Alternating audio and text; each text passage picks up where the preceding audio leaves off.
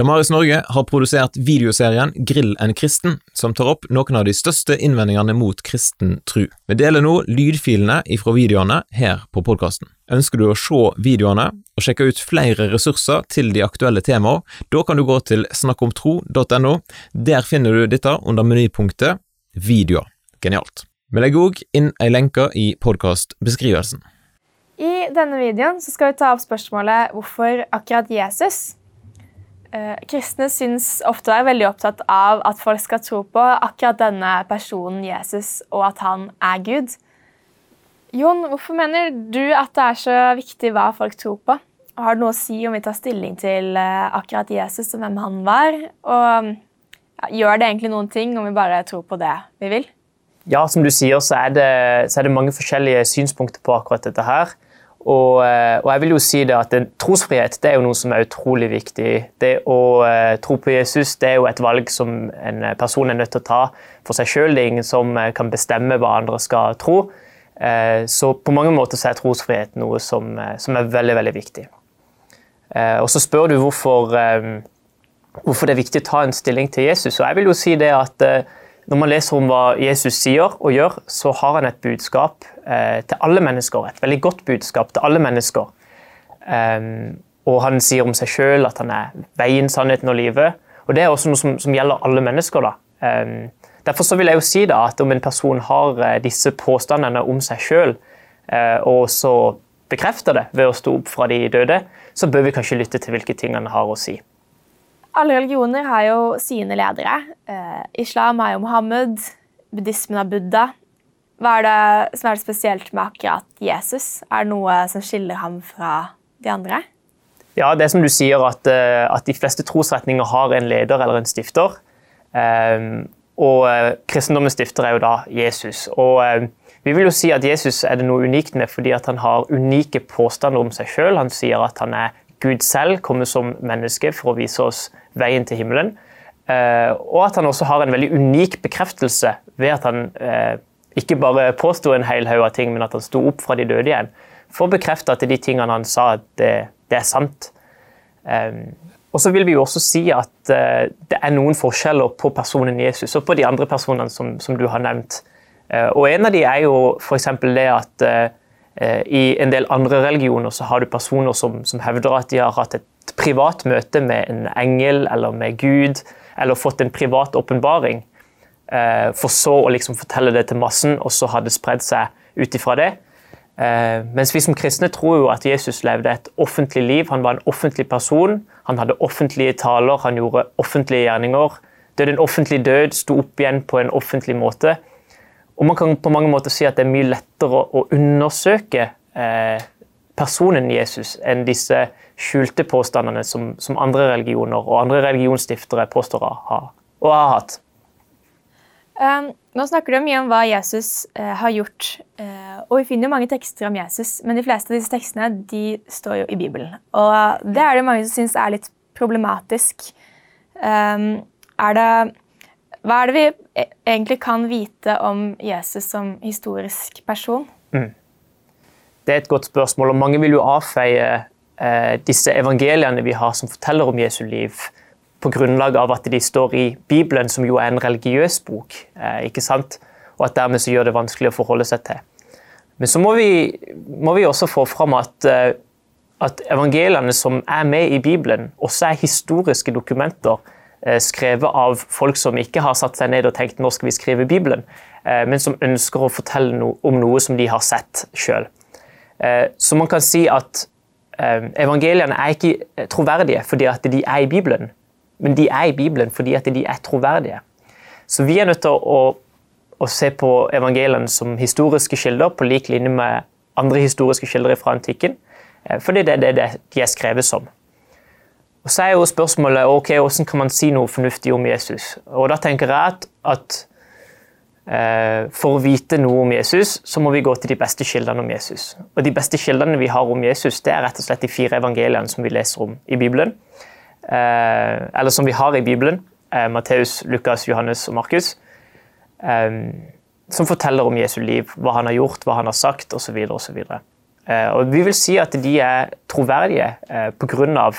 Hvor tidlig de er, ikke sant? De er skrevet i kort tid etter de hendelsene som de forteller om. De er skrevet av øyenvitner selv, eller av folk som har direkte kontakt på øyenvitner.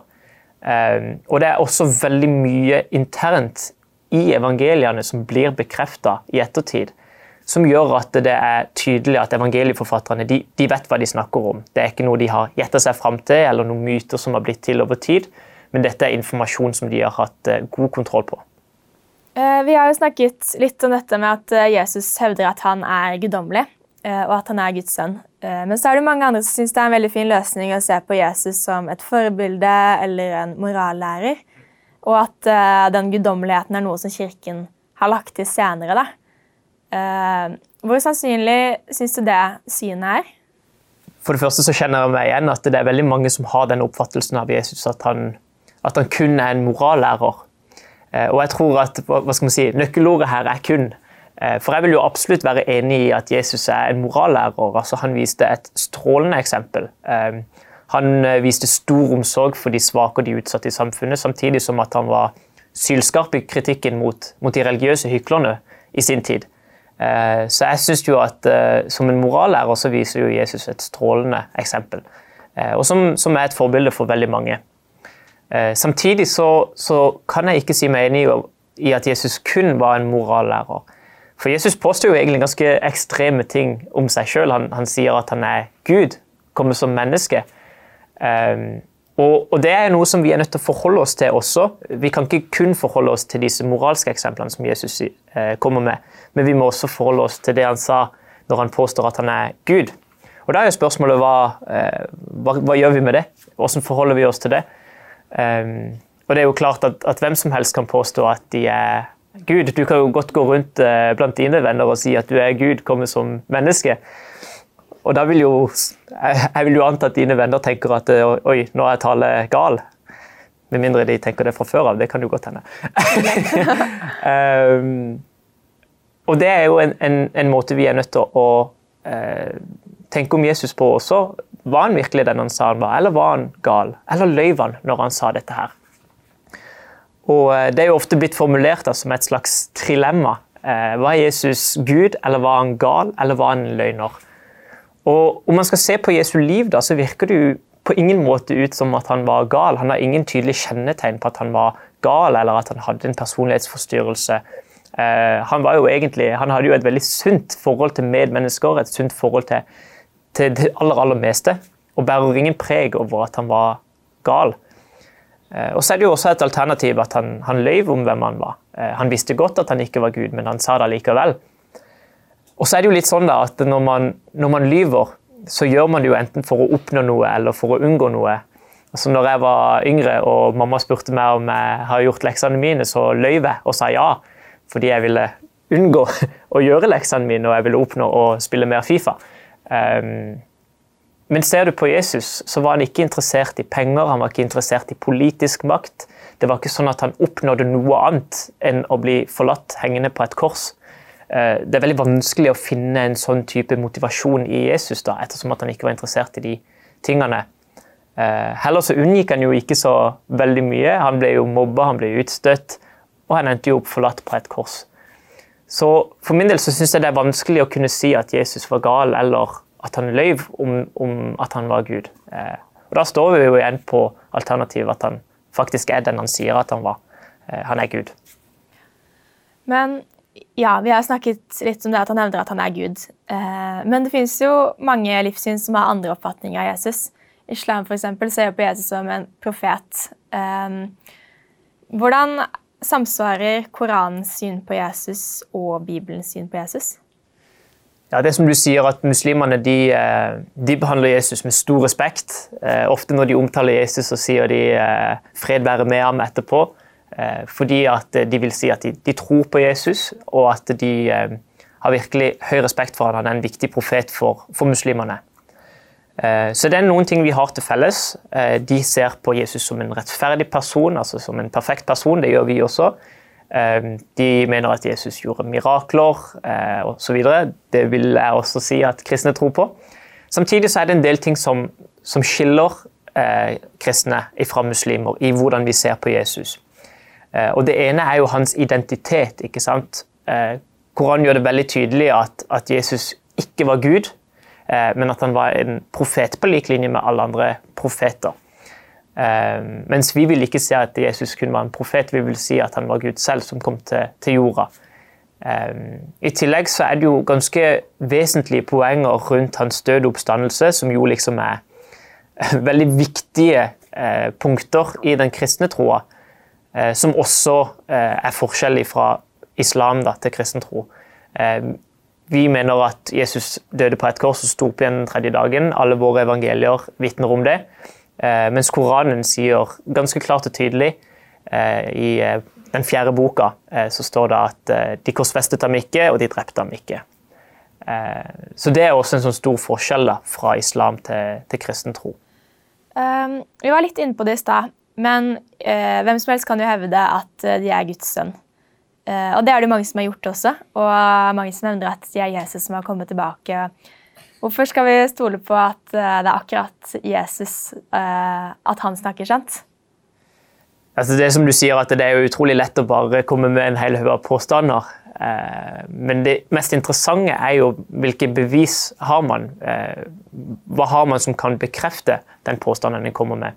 Og det er klart at eh, det er, En påstand i seg selv er jo veldig lite verdifullt. Så, så her er vi nødt til å finne ut av um, hva er det ved Jesus som ikke bare forteller om at han påstår at han var Gud, men som også bekrefter det. Uh, og Det som er på en måte det mest vesentlige punktet her, vil jeg si at det er oppstandelsen. ikke sant? At, at når det er en person som påstår at han er Gud, og, og også bekrefter det ved å stå opp fra de døde, så vil jo jeg si at det er en slags stempel eh, av, av aksepta over hans påstander om at han faktisk er den han sier han er. Ja, men når vi snakker om oppstandelsen eh, og sånt, Mye av det Jesus gjør, er jo eh, brudd på naturlover, eller mirakler. da. Eh, og som er ting som mange vil mene er helt umulig. Eh, så mange avviser jo dette her som overtro, overtro og eventyr. Eh, men det gjør ikke du. Eh, eller du, eh, er det noen grunn til å tro at det er sannsynlig at dette faktisk har eh, vært historiske hendelser som skjedde på ekte?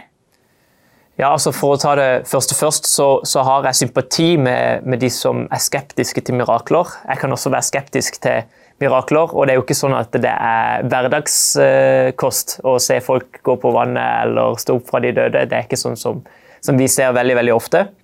Samtidig så tror jeg at vi må være åpne for muligheten at mirakler kan skje. Eh, det er klart at I et, i et lukka system hvor det ikke fins en, en, gud, eh, hvor eh, alt det vi ser kan forklares av naturvitenskapelige teorier, hvor alt er på en måte en kjedereaksjon av årsak og virkning, så er det jo klart at mirakler ikke kan, kan skje. Men, men, tror man at det er sant, det som står i Bibelen, den, den første setninga, at i begynnelsen skapte Gud himmelen og jorden, eh, så er det jo ikke noe problem for Gud å gripe inn på andre mulige måter. Og, og da er jo miraklenes mulighet eh, et faktum. At det, det er mulig å, å, kunne tro på mirakler dersom det finnes en Gud som er skaperen av tid og rom, eh, skaperen av universet, og som også kan gripe inn da, i universet etter at han har skapt det. Så spørsmålet om mirakler det avhenger jo av hvordan man stiller seg i forhold til Guds eksistens.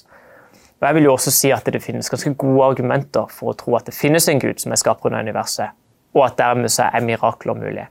Så vi er nødt til å sette oppstandelsen i den rette konteksten.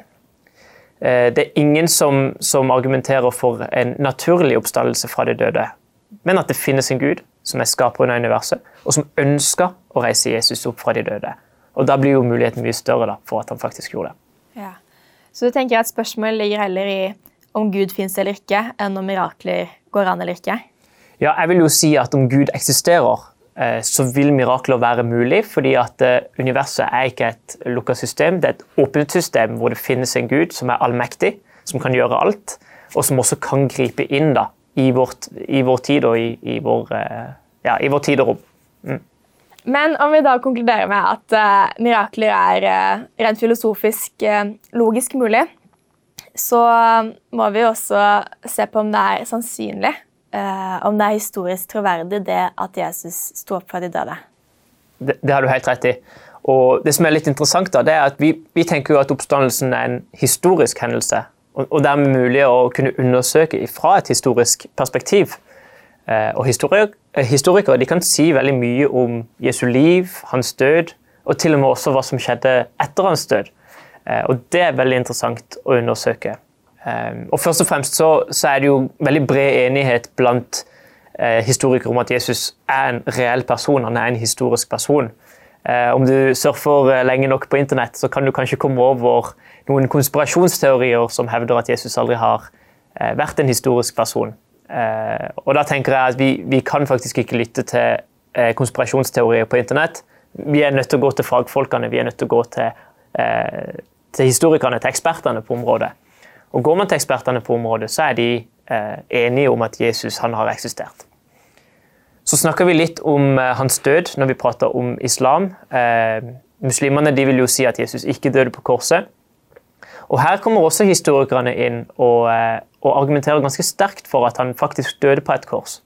Og eh, Det at Jesus døde på et kors, det er noe som er bredt akseptert av historikere, uavhengig av hvilket livssyn de har. Så både ateister, agnostikere, kristne, historikere, eh, som er eksperter i relevante felt, de vil si at Jesus døde på korset. Eh, og Grunnen til at de sier det, det er at for å på en måte vurdere om en historisk hendelse er historisk eller ikke, så ønsker ofte historikere to kilder på det. To selvstendige kilder. Det er mange historiske hendelser som hviler på én kilde, men har du to kilder, så er det liksom tommel opp. Da er det, da er det godt nok. Eh, og en som heter Bart Ørmen, en, en bibelforsker eh, som er agnostiker, eh, han lister opp elleve ulike kilder til Jesu korsfestelse, altså Jesus, Jesu død. Og De er uavhengige av hverandre, de er ikke skrevet av samme person.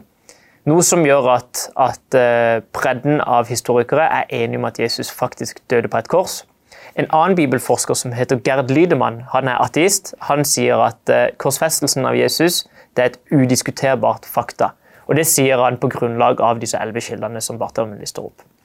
Og Så kan man også si en del om hva som skjedde etter hans død eh, på korset. Det ene som historikere, eller som de fleste historikere er enige om, det er at grava var tom den tredje dagen. Og Grunnen til at de sier det, det er at eh, de første og de tidligste og de beste kildene de vitner om en tom grav. Det andre, andre grunnen til at de sier at grava var tom, det er at eh, den første kritikken mot oppstandelsen den innebar ikke argumenter for en full grav, men heller en bortforklaring av den tomme grava. Og det er klart at De første kritikerne hadde de hatt et, et snev av, av at eh, grava var full, så kunne de jo ha argumentert for det og brukt det til sin fordel, eh, men de kunne ikke det. Derfor måtte de bortforklare den tomme grava. I tillegg så, så vet vi jo at eh, teorien om at Jesus sto opp fra de døde, det skapte jo mye uro i Jerusalem på denne tida. ikke sant? Og Det var jo uro som verken romerne eller som jødene likte. Eh, og Det de enkelt og greit kunne ha gjort for å liksom kutte denne uroa, det var jo å åpne opp grava, vise fram liket og si her er det. Case closed, nå er vi ferdig. Eh, og så ville det ha stilna seg. Men det faktum at de ikke gjorde det, eller at de ikke kunne gjøre det, det er jo også en veldig tydelig peker mot at grava var tom. I tillegg så er det mange som eh, hevder å ha sett Jesus, spist med Jesus, vandra med Jesus etter hans død. Eh, alle de fire evangeliene de vitner om folk som har vandra med Jesus, prata med Jesus, og at Jesus har vist seg for mange folk eh, etter hans død. Så du har mange forskjellige vitneutsagn om å ha møtt Jesus. I tillegg så har du noen veldig interessante vers i eh, begynnelsen av 1. Korinter kapittel 15, hvor det står om at Jesus viste seg for en rekke navngitte personer, før han viste seg for over 500 stykk på én gang. Eh, og Det er jo veldig interessant at Jesus da har vist seg for så mange personer. Så når, når kritikerne stiller spørsmål ved dette her og sier at ja, men dette kan jo skyldes hallusinasjoner eller andre typer ting, ikke sant? Så, så vil det jo være naturlig å tenke at, at en hallusinasjon er jo noe som en enkeltperson eh, opplever. Det er ingenting som heter gruppehallusinasjon. ikke sant? Det er én person som har ett syn. ikke sant? Eh, så det at Jesus har vist seg for så mange mennesker, det er noe som historikere ser på som, som et fakta. Eh, Iallfall at de påstår å ha sett Jesus etter hans død.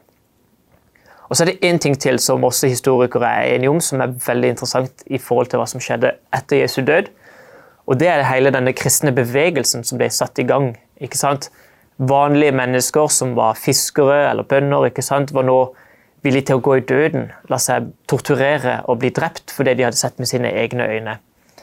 Um, og det, det, skjedde, det, tyder på at det har skjedd et eller annet som, som, virkelig revolusjonerte disse menneskene sine liv, og som gjorde at de nå var villige til å gå ganske lange distanser for det de hadde sett med sine egne øyne. Så kan jo mange si ja, men det skjer jo ofte i dag. Det er jo mange som lar seg torturere og drepe for, for det de tror på.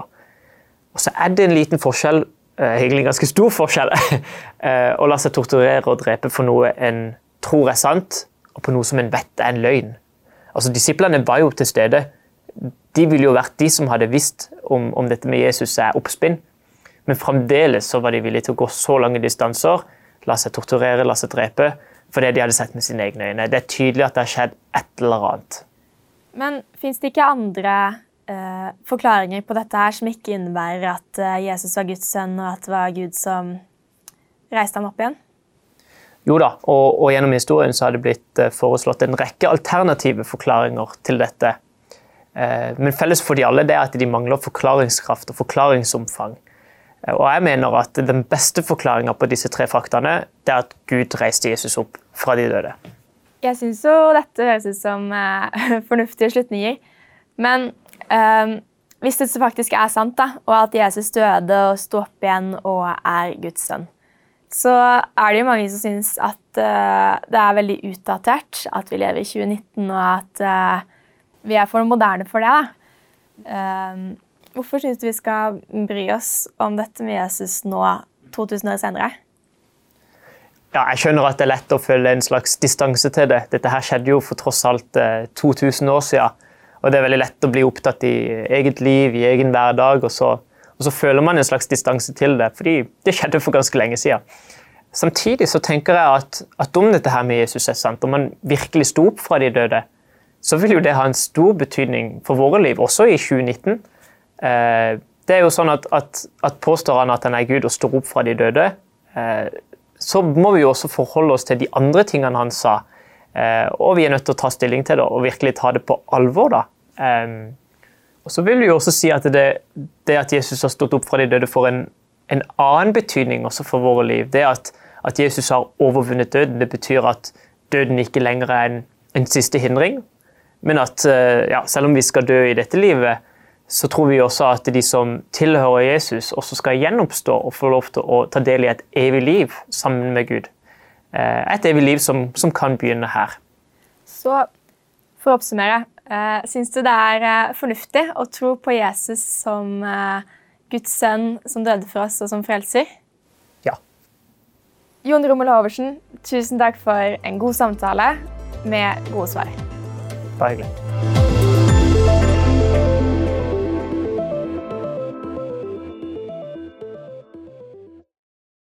Vil du støtte arbeidet til Damaris Norge, sånn at vi kan produsere flere ressurser? Da kan du gå til damaris.no bidra. Vi vil òg anbefale å kjøpe boka Grill en kristen. Den får du kjøpt på snakkomtro.no. Videoserien Grill en kristen den ble produsert med støtte ifra Størst av alt, trosopplæring i Den norske kirke.